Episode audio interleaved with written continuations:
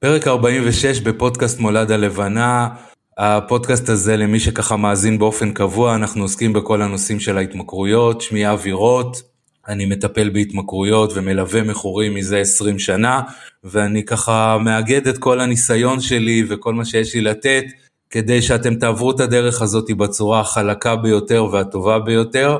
נותן את כל הניסיון שצברתי במהלך השנים האלה, גם תהליכים שעברתי באופן אישי וכמובן גם תהליכים שאני מעביר בתוך הקליניקה. והיום אני רוצה להקדיש את הפרק הזה לשאלה שקיבלתי דרך, ה, דרך המסנג'ר בפייסבוק. כותב לי בחור, לא עשה אצלי אמנם את התהליך, אבל ככה רצה להתייעץ איתי, ומה שהוא מספר לי זה שהוא כבר נקי ארבעה חודשים, בעזרת כוח הרצון שלו, בעזרת אחת הקבוצות בפייסבוק. עבר את כל השלבים של, ה, של הגמילה, של, ה, של החלקים הפיזיים של הגמילה, את הלילות בלי השינה בין היתר, כאבים אולי. מה שהוא מספר זה שהוא יושב עם חברים בבית קפה, ואחד החברים מעשן שם, ופתאום הוא אומר, הרגשתי כל כך קנאה, הרגשתי כל כך את הרצון הזה אה, אה, לחזור לעשן, למה זה ממשיך איתי, למה אני צריך להרגיש את זה, למרות שהרגשתי טוב כבר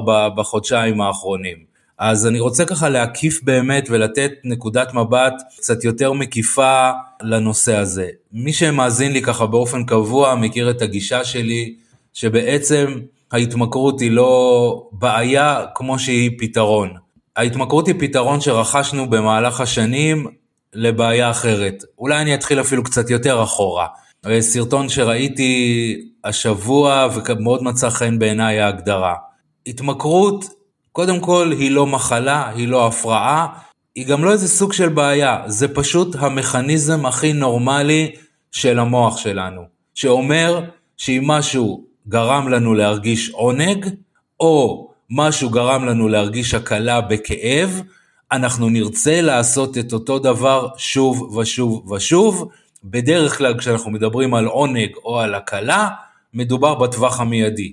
יכול להיות שבטווח הארוך יהיה לזה מחירים, סבל אחר או, או מחיר אחר שאנחנו נשלם עבור הדבר הזה, זאת אומרת זה יכול להיות שזה בריאותית יפגע בי, יכול להיות שזה כלכלית יפגע בי, יכול להיות שזה יפגע בערכים שלי, כמו למשל צפייה בפורנו, אז באותו רגע זה גורם לי עונג מאוד גדול, או לפחות הקלה מכאב, אבל בהמשך יכול להיות שזה ייצור בעיה אחרת ואני אצטרך להתמודד איתה ולכן זאת הסיבה שאנחנו רוצים להפסיק התמכרות. אבל עצם התופעה בעצמה היא לא בעיה, היא ככה המוח שלנו עובד. ברגע שהמוח שלנו מצא פתרון מסוים, מצא תחושה טובה, הוא רוצה לחזור עליה. כי מבחינתו זה משהו שהוא חיובי ו- וצריך לשכפל את ההתנהגות הזאת שוב ושוב ושוב ושוב. עכשיו כמובן, ככל שהסבל שלנו היה הרבה יותר גדול, ההקלה הייתה בהתאם יותר גדולה, או ככל שהעונג שנגרם לי כתוצאה מאותו דבר הייתה יותר גדולה, הוא ירצה לשכפל את זה שוב ושוב, כמות הדופמין שתופרש במוח, אני לא רוצה כך להיכנס לכל הדברים הביולוגיים והמדעיים, אבל רק, רק כדי לתת את הנקודה הזאתי, זה בעצם, הדחף לזה יהיה דחף הרבה יותר חזק. עכשיו, אנחנו הרבה מתייחסים לחלקים הפיזיים של הגמילה. זאת אומרת, כשאנחנו חושבים על להיגמל מסיגריות, כשאנחנו חושבים על להיגמל מוויד או מאלכוהול, החלקים הפיזיים של מה קורה בשלב הראשון, הם הרבה פעמים מאוד חזקים בשיקול שלנו אם לעשות את הצעד הזה או לא לעשות את הצעד הזה. אנחנו פחות מתייחסים, או לצערי אפילו במקומות טיפול שאני מכיר, הרבה פחות מתייחסים בעצם להקלה או לעונג שהסם או ההתמכרות או ההתנהגות גרמה לי. וכשאני בעצם נמצא עכשיו בית קפה, ואני כבר נקי תקופה מסוימת, זה יכול להיות כמה חודשים, זה יכול להיות אפילו כמה שנים, ואני מרגיש שאני רואה את החבר שלי או אני רואה מישהו מעשן וזה עושה לי תחושה של געגועים ותחושה של רצון לחזור לזה למרות שאני יודע את המחירים, למרות שאני כבר אומר לעצמי עברתי את התהליך הקשה של הגמילה, אז בוא נסיט את המבט, אני לא רוצה שתחשבו כרגע על הג'וינט או על הפייסל או על הכוסית הזאתי. אני רוצה שתחשבו על מה יושב מתחת, כי מה שבאמת יושב מתחת, זה מה שבאמת חסר לכם. כנראה שעדיין לא מצאתם משהו שיכול למלא או לפתור את הבעיה כמו שהסם או כמו שההתנהגות עשו. אני מזכיר את ה... ומי שלא יחזור לפרקים הקודמים, מי שלא שמע את זה, את אותו מחקר שהבאתי לגבי החולדות. שאני ככה אתמצת אותו כרגע כי אני לא רוצה לחזור עליו פעם שנייה, אבל החולדות שחיו בפארק חולדות שהיה להם בעצם את כל הצרכים שלהם, השתמשו בקוקאין פי 16 פחות, פי 16 פחות מאשר חולדות שהיו בתוך כלובים. והסיבה היא שהחולדה בתוך כלוב סובלת, היא לבד, אין לה את כל הגירויים האינטלקטואליים והחברתיים וכל מה שהיא צריכה, אז מה שהיא עושה זה אם יש לה בחירה בין אוכל לבין סם, קוקאין או כל סם אחר, היא תעדיף לגשת אל, ה, אל הסם ותעשה את זה שוב ושוב ושוב ושוב, כי היא חייבת לחפש הקלה לכאב שלה. החולדות שחיו בפארקים, גם להם הייתה אופציה. הייתה להם בחירה בין קוקאין לבין אוכל, לבין חיים, לבין, לבין סם.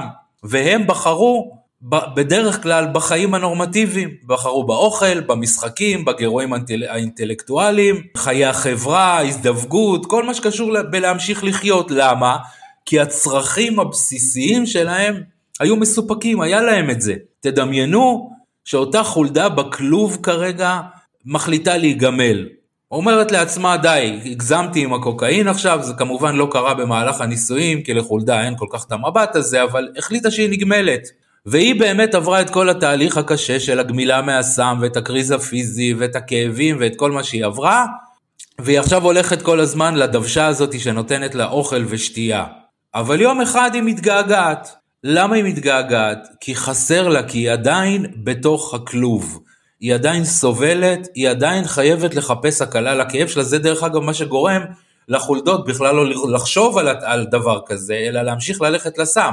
זאת אומרת, היא עדיין בתוך הכלוב, היא עדיין סובלת, בעצם כשאנחנו רוצים, ואז ממילא אין לה ברירה, היא חייבת כל הזמן להמשיך ללכת לכיוון הזה של, ה...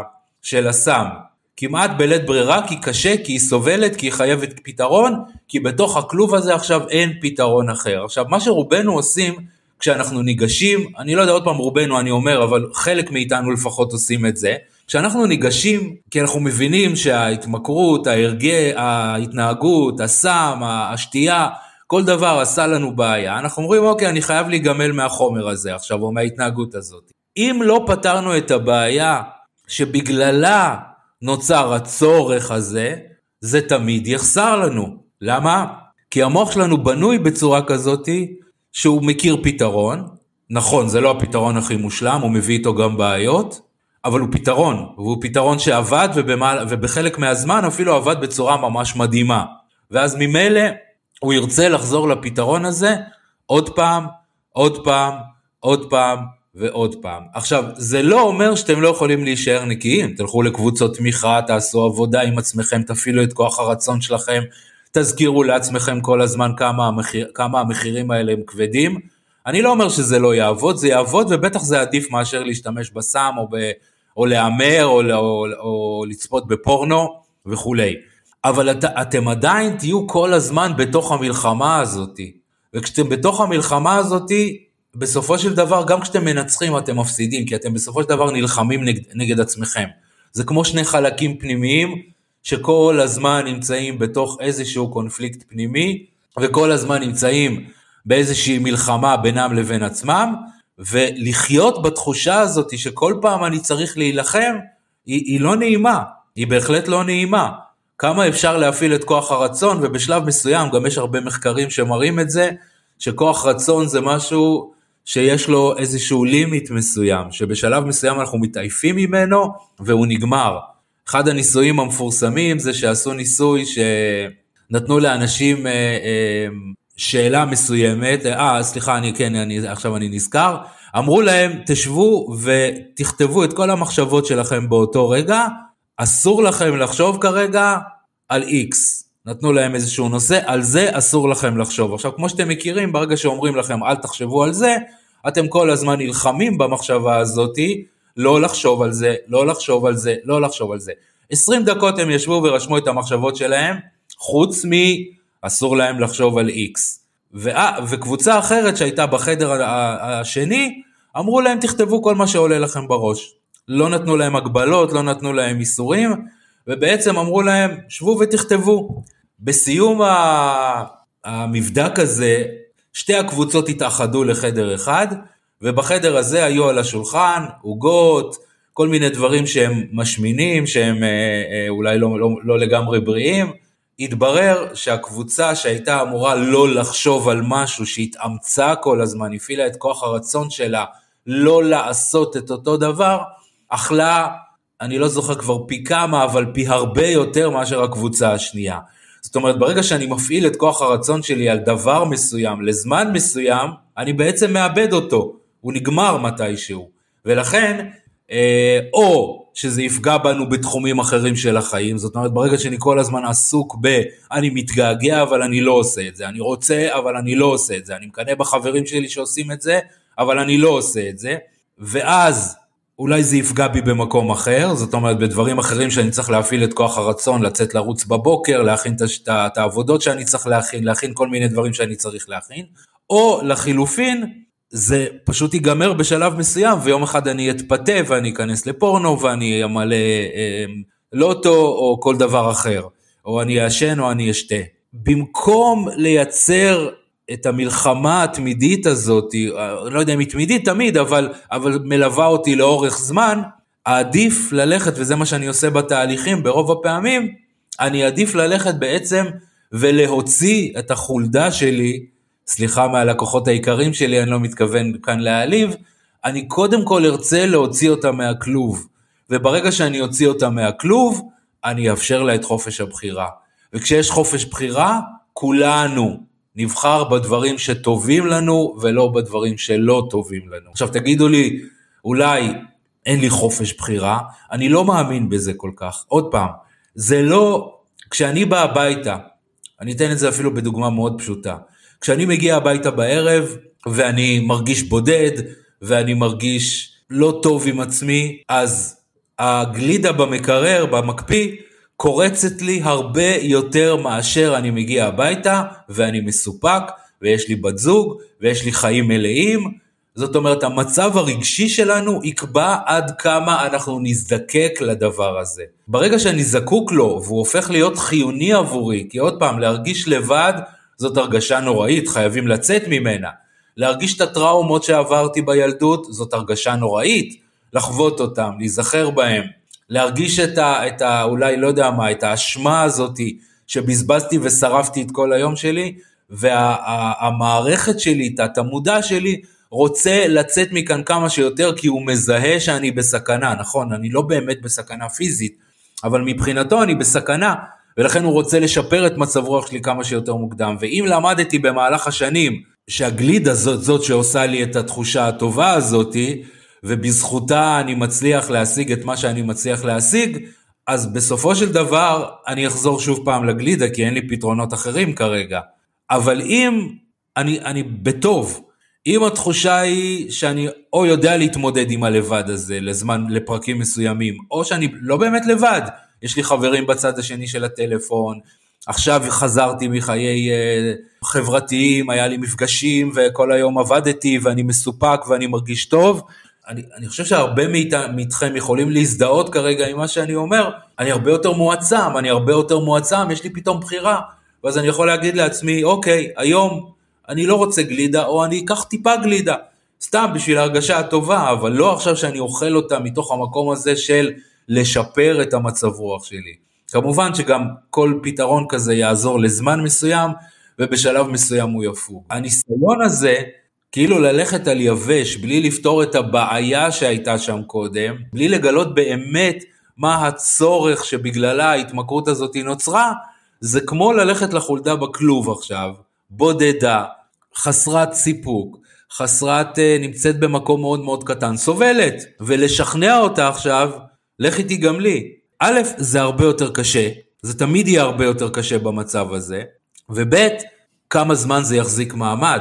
וגם אם זה יחזיק מעמד, היא תהיה כל הזמן במלחמת, אה, אה, במלחמה הזאת של אני רוצה אבל אסור לי, אני רוצה אבל אני לא יכולה. עכשיו, במקום להתחיל עם זה, בוא נתחיל קודם כל בלהוציא את עצמנו מהכלוב. לכולנו יש כלובים, ואני אגע בזה עוד רגע. כשאני יוצא מהכלוב, אני, בעצם הצרכים שלי מולאו. כשהצרכים שלי מולאו כרגע, ואני לא סובל, שוב פעם, פה תהיה לי בחירה. תהיה לי בחירה אם אני רוצה לפנק את עצמי ולשתות כוסית של וודקה עכשיו, כי בא לי, וזה מותר. אני עכשיו רוצה לעשות דברים אחרים שמועילים, ללכת לעשות ספורט, ללכת לעשות משהו אחר. אני לא במצב שבו עכשיו אני צריך את כל הבקבוק כדי שהבקבוק הזה יעזור לי להרגיש טוב. תגידו לי, אני לא בכלוב. אנשים הרבה פעמים אומרים, באתי ממשפחה טובה, היה לי ילדות נהדרת, אבא שלי תמיד קנה לי את כל מה שרציתי, נכון, אבל הכלוב, נכון, אצל החולדה זה כלוב פיזי, שגם גורם לה לדברים נפשיים כמובן, אבל אנחנו יכולים לחיות בכלוב מזהב, והוא עדיין יישאר כלוב, הכלוב הוא מטאפורה, אתם יכולים לנסות לחשוב מה הכלובים שלכם, הכלוב יכול להיות, אני מרגיש שאני לא שווה, אני מרגיש שאני לא מספיק טוב, זה כלוב. כי כל פעם שאני רוצה להצליח בחיים אני מייאש את עצמי. הכלוב יכול להיות מערכת היחסים שלי עם הבת זוג שלי. אם היא לא מערכת יחסים טובה ואני מרגיש שם לא טוב בבית ולא רצוי, אולי בגללה, אולי בגללי, לא כך משנה כרגע, אבל זה כלוב, אני סובל שם, אני צריך הקלה.